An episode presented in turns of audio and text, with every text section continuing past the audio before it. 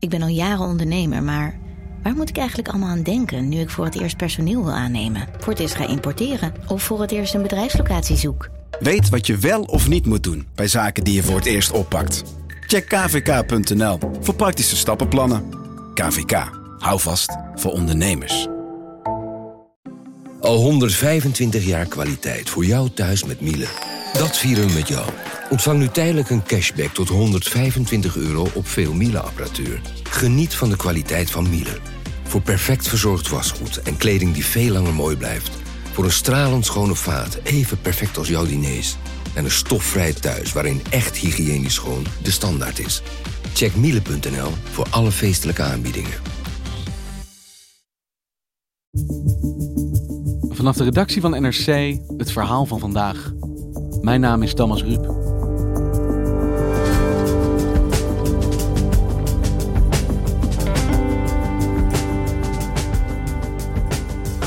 Nederland staat voor een gigantische uitdaging. We moeten massaal van het gas af. En nergens leek dat zo goed te lukken als in Purmerend, dat de eerste volledig gasvrije stad van het land wil worden. Er kwam geld, er lag een plan, maar na een vliegende start ziet economieredacteur Sam de Voogd stapelen de problemen zich op.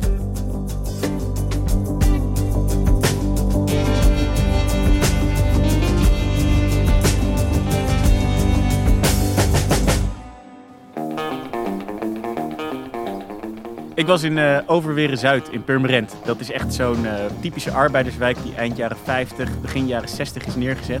Het zijn kleine flats, rijtjeswoningen die elkaar afwisselen. Je kunt er eigenlijk nog over de, de korte hekjes en heggetjes van de voortuinen... kun je eigenlijk nog zo uh, de eetkamer en de woonkamer inkijken. Een beetje een oude Noord-Hollandse idylle. Ja, ja, zo zou je het kunnen noemen. En waarom was jij daar?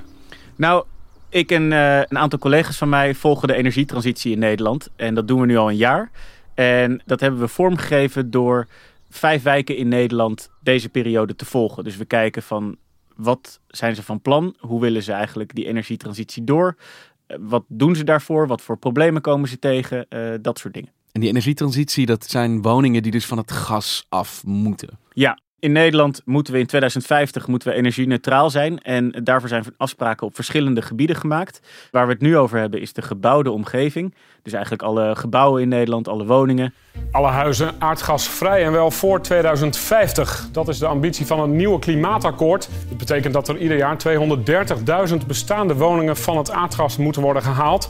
om de klimaatdoelen van Parijs te halen. Je moet dan bijvoorbeeld zijn aangesloten op een warmtenet. Of je moet een warmtepomp hebben in plaats van een cv-ketel. In 2030 moeten anderhalf miljoen huishoudens van het gas af zijn. Dat is logistiek een enorme klus. En op welke manier wordt dat gedaan? Nou, dat weten ze eigenlijk nog niet zo goed. En daarom zijn ze uh, begonnen een paar jaar geleden met het programma Aardgasvrije Wijken. En daarvoor heeft het ministerie van Binnenlandse Zaken heeft gemeentes opgeroepen om uh, plannen in te dienen om een wijk in hun gemeente te verduurzamen. Daarvoor mochten ze plannen indienen. Daarvoor hebben ze dan subsidie gekregen. En zo ook Overweren Zuid in Purmerend. Tussen 2018 en 2028 wordt geëxperimenteerd met het aardgas vrijmaken van woningen. Het kabinet heeft daar 380 miljoen euro voor gereserveerd. 27 wijken door het hele land zijn aangewezen als proeftuin. En Purmerend is een van de eerste gemeentes die de schep in de bodem heeft gezet. En het plan daar is is dat eigenlijk alle woningen op het warmtenet dat er al ligt, wordt aangesloten. Iedereen moet van het gas af. Dus Purmerend heeft geld gevraagd van het Rijk om met deze wijk te kunnen experimenteren, eigenlijk op een bepaalde manier. Te laten zien, nou, wij willen deze woningen op deze manier van dat gas af helpen. Ja, Purmerend heeft een warmtenet waarop al zo'n driekwart van alle woningen en gebouwen in, dat, in die gemeente zijn aangesloten. Dat komt eigenlijk omdat ze in de jaren 80, toen er een aantal oliecrisis bezig waren, uh, besloten van we moeten niet afhankelijk meer zijn van gas. Dus toen hebben ze daar een warmtenet neergelegd. Dus Purmerend loopt al eigenlijk heel erg voor. Drie kwart is daar dus al uh, verduurzaamd. Daar wilden ze uh, 100% van gaan maken. Daarvoor hadden ze die aanvraag ingediend. Ze hebben daar een bedrag van bijna 7 miljoen euro voor gekregen om te gaan experimenteren met 1200 woningen dat paste helemaal in de ambitie van Purmerend. Want zij hebben die ambitie om eigenlijk als eerste gemeente volledig verduurzaamd te zijn. Alleen het is best lastig, want die woningen die zijn van mensen. De, dat zijn gewoon huizenbezitters uh, hebben die woningen. En die mogen dus zelf beslissen of ze gas gebruiken of dat ze op het warmtenet willen. Ze willen hier aardgasvrij wonen realiseren. Heeft u daarvan gehoord? Ja, nou ja, ik uh, kook zelf op gas. Ja. En dat vind ik veel fijner koken dan, uh, dan elektra. Dus u doet niet mee? Nee, nee. Ik vind het helemaal niks. Nee? Nee. Wa waarom niet? Uh, ja, er moet heel veel verbouwd worden aan mijn huis en daar heb ik geen zin in. En hoe overtuigen ze dan de bewoners om dit ook echt te willen? Nou, in Purmerend ging dat dus zo dat ze met een team echt in de wijk zijn wonen. Ze hebben één huis omgebouwd tot een kantoor waar ze dagelijks werken. En vervolgens zijn ze bij uh, de bewoners allemaal meerdere keren langs geweest van... hey, dit zijn de voordelen van uh, op het warmtenet gaan. En uh, op die manier is het ze gelukt om in in het allereerste fase van het project... waarbij 95 woningen en één basisschool van het gas af moesten... om daarvan 90 van de bewoners te overtuigen en ook de school zover te krijgen om op dat warmtenet aangesloten te worden.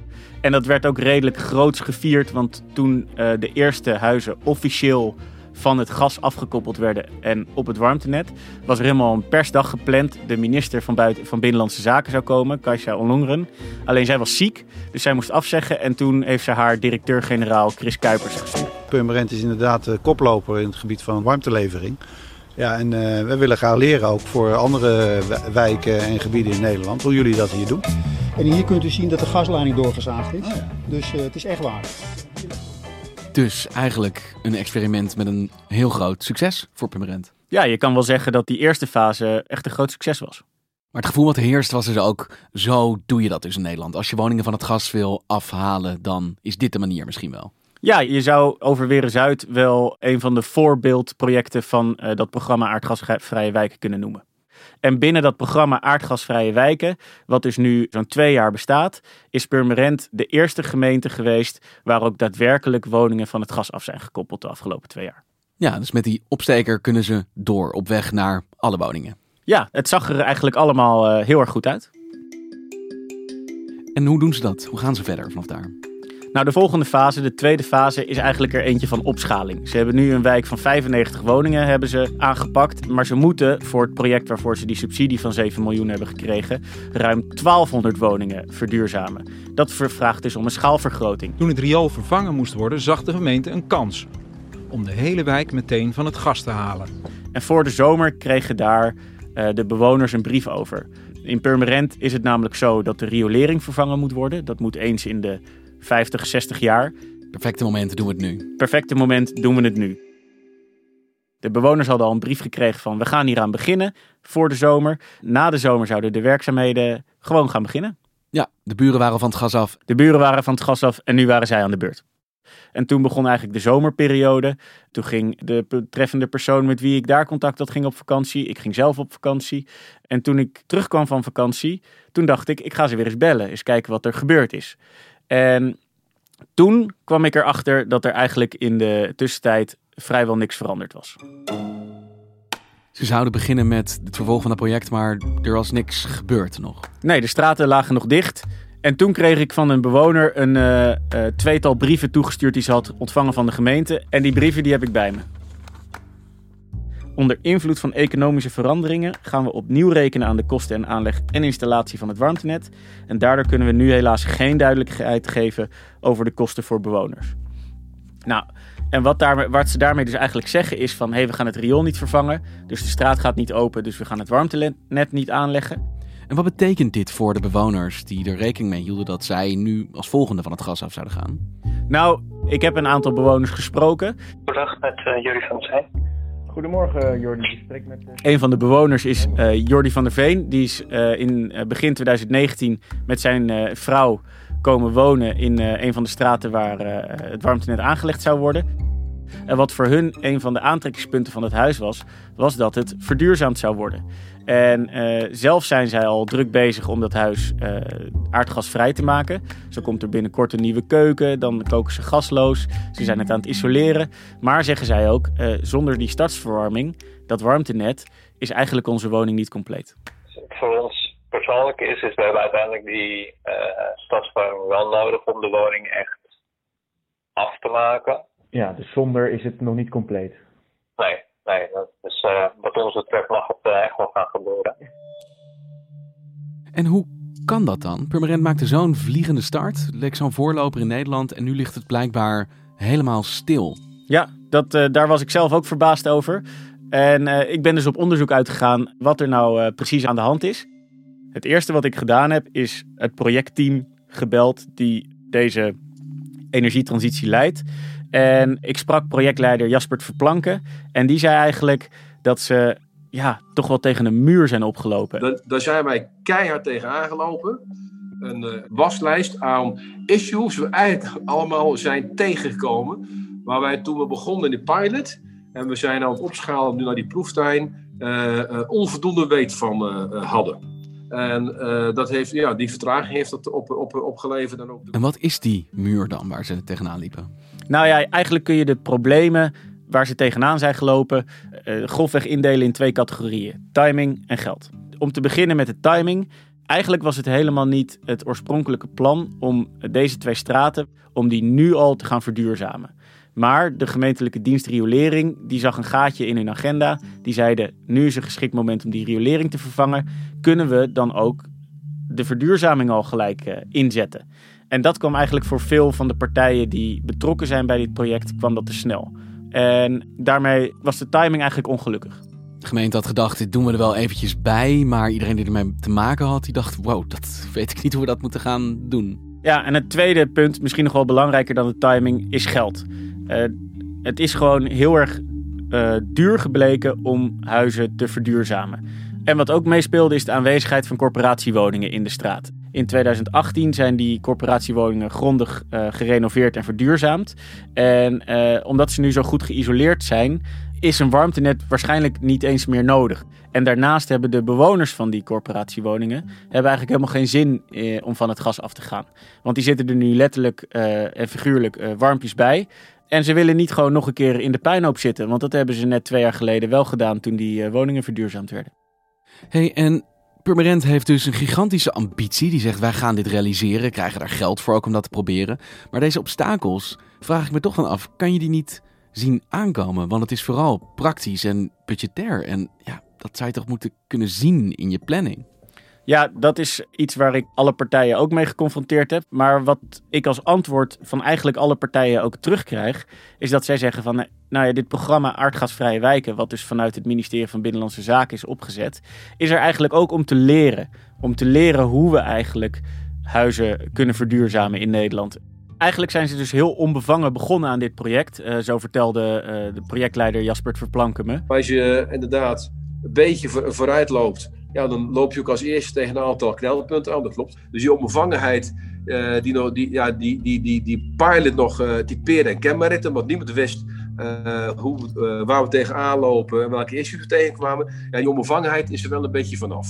We zijn natuurlijk begonnen in 2018 en het Rijk wist ook toen niet echt goed waar ze allemaal in de praktijk tegenaan zouden lopen.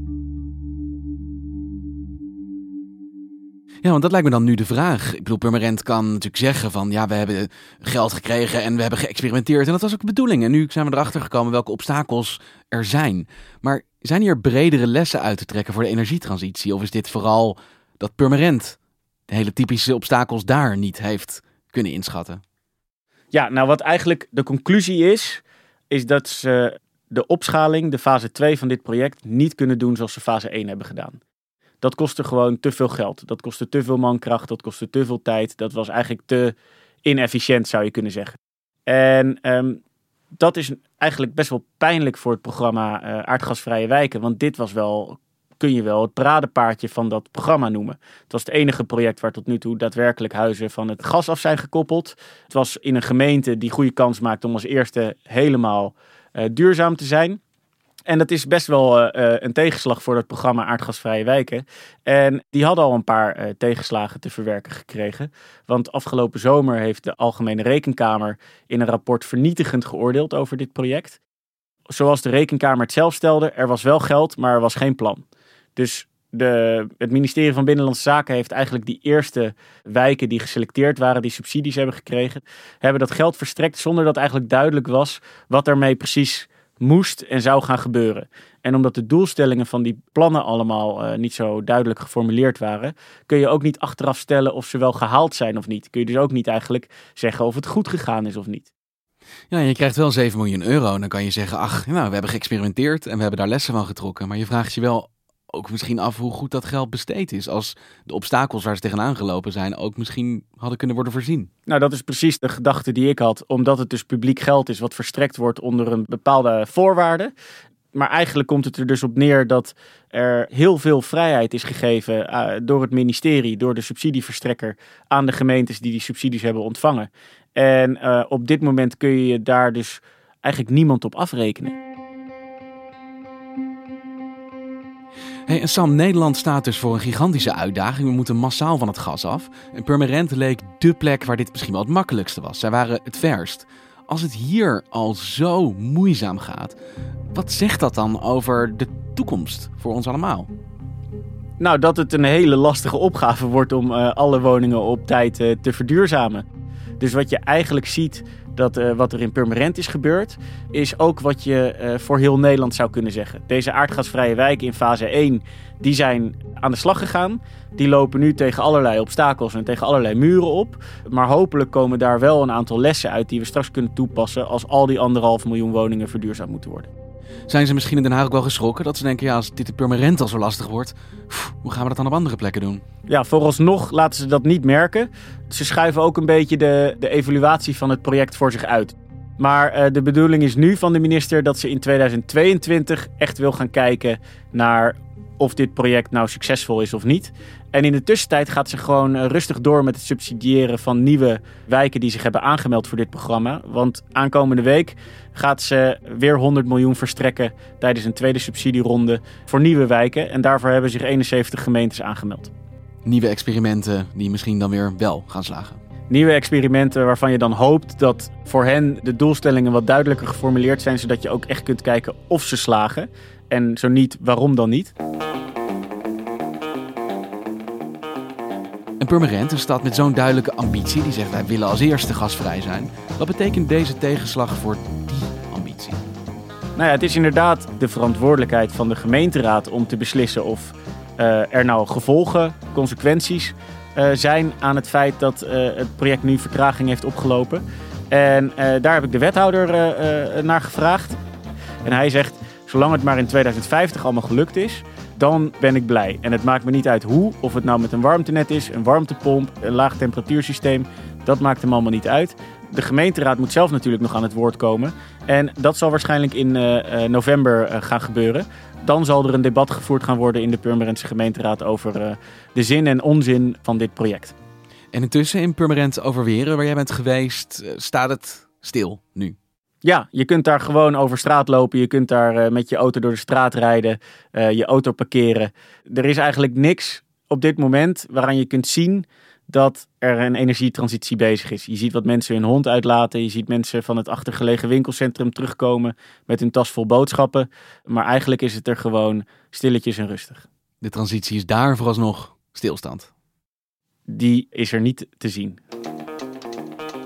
Dankjewel Sam. Graag gedaan, Thomas. Je luisterde naar vandaag, een podcast van NRC. Eén verhaal, elke dag.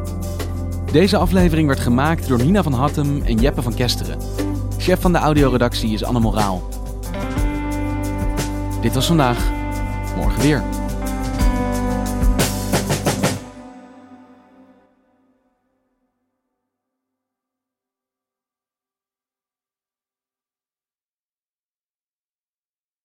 Technologie lijkt tegenwoordig het antwoord op iedere uitdaging. Bij PwC zien we dit anders. Als we de potentie van technologie willen benutten, kunnen we niet zonder een menselijk perspectief. Human-led, tech-powered noemen we dat. Ga naar pwc.nl.